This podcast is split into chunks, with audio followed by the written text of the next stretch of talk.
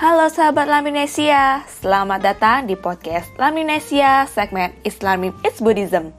Di segmen ini, kita akan ngobrolin topik-topik lamrim yang dibungkus dengan bincang-bincang santai dan seru seputar kehidupan sehari-hari. Hmm, penasaran kan? Yuk langsung aja dengerin. Selamat mendengarkan!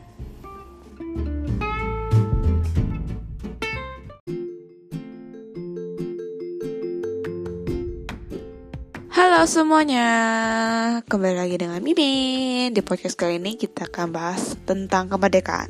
Hmm. Udah gak kerasa, sebentar lagi udah mau tanggal 17 yang ke-75 Yang artinya kita udah 75 tahun bebas dari penjajahan. Wow, tapi kita belum bebas dari penderitaan samsara selama jutaan kalpa. Hmm, tapi kita nggak akan bahas itu di podcast kali ini. Kita akan sedikit flashback ke pertanyaan apa jadinya kalau Indonesia nggak merdeka. Hmm, ada tiga hal. Yang pertama, kita nggak akan memiliki kebebasan untuk memilih. Ya, namanya juga belum merdeka, masih dijajah. Yang pasti, kita nggak punya kebebasan untuk memilih. Bahkan, keluar rumah aja mikir. Yang kedua, kita tidak akan berpendidikan kita sekarang nggak akan bisa baca, nggak akan bisa nulis, nggak bakal bisa ngerti teknologi itu gimana. Karena ketika dijajah, pendidikan itu hanya untuk mereka para bangsawan. Yang ketiga, kita bakal menderita secara mental dan fisik. Boro-boro nih sahabat bisa dengerin podcast. Pasti sekarang kalau belum merdeka, kita lagi di ladang, lagi tanam paksa, kerja rodi, terus kurus kering karena kekurangan gizi, miskin, Terus apalagi lingkungan kita negatif, politik adu domba di mana-mana. Wah, pokoknya kacau banget deh. Kayak gimana ya sebutnya? Kayak neraka di alam manusia. Hmm, nah, itu tuh. Coba kita bayangin kita terlahir jadi Buddhis di zaman itu. Wah, yang pertama, pasti kita udah gak bisa bebas memilih kita mau jadi Buddhis atau enggak. Yang kedua, kita gak berpendidikan, kita gak akan ngerti baca buku Dharma itu gimana.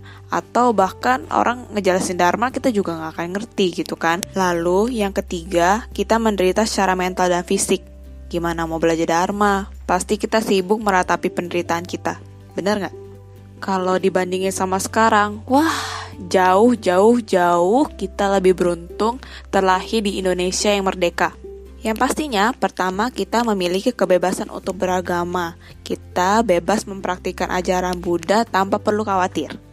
Lalu yang kedua, berdasarkan falsafah negara Indonesia Pancasila, semua orang memiliki hak setara untuk mendapatkan pendidikan. Jadi sekarang kita bisa membaca buku Dharma, memahaminya, lalu menerapkannya dalam kehidupan kita. Bahkan sekarang juga banyak dukungan-dukungan teknologi, jadi belajar Dharma menjadi lebih mudah. Kalau dibandingkan dengan zaman penjajahan dulu, pastinya secara umum sekarang kehidupan kita jauh lebih bahagia. Kondisi ini membuat kita bisa mempraktikkan Dharma dengan kondusif. Nah, sekarang Mimin mau kasih tahu nih. Jadi, dikutip dari buku pembebasan di tangan kita jilid 2, kelahiran manusia kita ini memiliki 8 kebebasan dan 10 keberuntungan. Nah, poin kedua dari keberuntungan adalah terlahir di negeri pusat. Apa sih yang dimaksud dengan terlahir di negeri pusat? Jadi kita terlahir di wilayah di mana empat kumpulan pengikut dapat ditemukan. Empat kumpulan itu ada biksu, biksuni, murid rumah tangga perempuan, dan laki-laki. Nah, terlahir di Indonesia merdeka dengan kebebasan beragama dan berbagai kondisi mendukung lainnya, membuat empat kumpulan pengikut dapat ditemukan di Indonesia. Yang berarti Indonesia merupakan negeri pusat dan terlahir di Indonesia merupakan salah satu permata keberuntungan kelahiran kita sebagai manusia. Keren banget kan terlahir di Indonesia? Nah, kita harus jaga permata keberuntungan kita ini dengan senantiasa menjaga dan mencintai Indonesia. Harus bersyukur bisa terlahir di Indonesia. Banyak nih orang yang mikir negara lain itu lebih keren ataupun lebih layak ditinggali daripada Indonesia. Padahal kalau dipikir lagi ya, kita bakal menemukan banyak hal baik dari Indonesia yang dapat menghangatkan hati. Terus yang gak kalah penting juga, kita harus mengingat keberuntungan ini merupakan hasil upaya kerja keras dari para pahlawan, bahkan pertumpahan darah mereka. Jadi kita harus senantiasa mendedikasikan kebajikan kita untuk pencapaian pencerahan para pahlawan kita. Akhirnya kita sudah di penghujung podcast.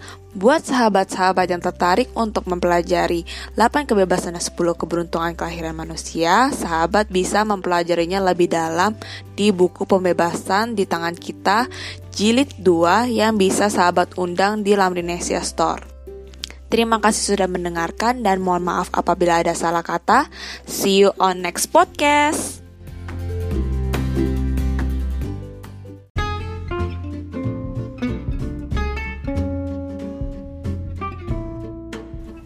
Terima kasih sudah belajar bersama dengan Labinesia. Jangan lupa untuk cari tahu lebih dalam dari guru dan buku Dharma, merenung, dan meditasi ya. Nantikan terus podcast Labinesia dan jangan lupa follow and subscribe.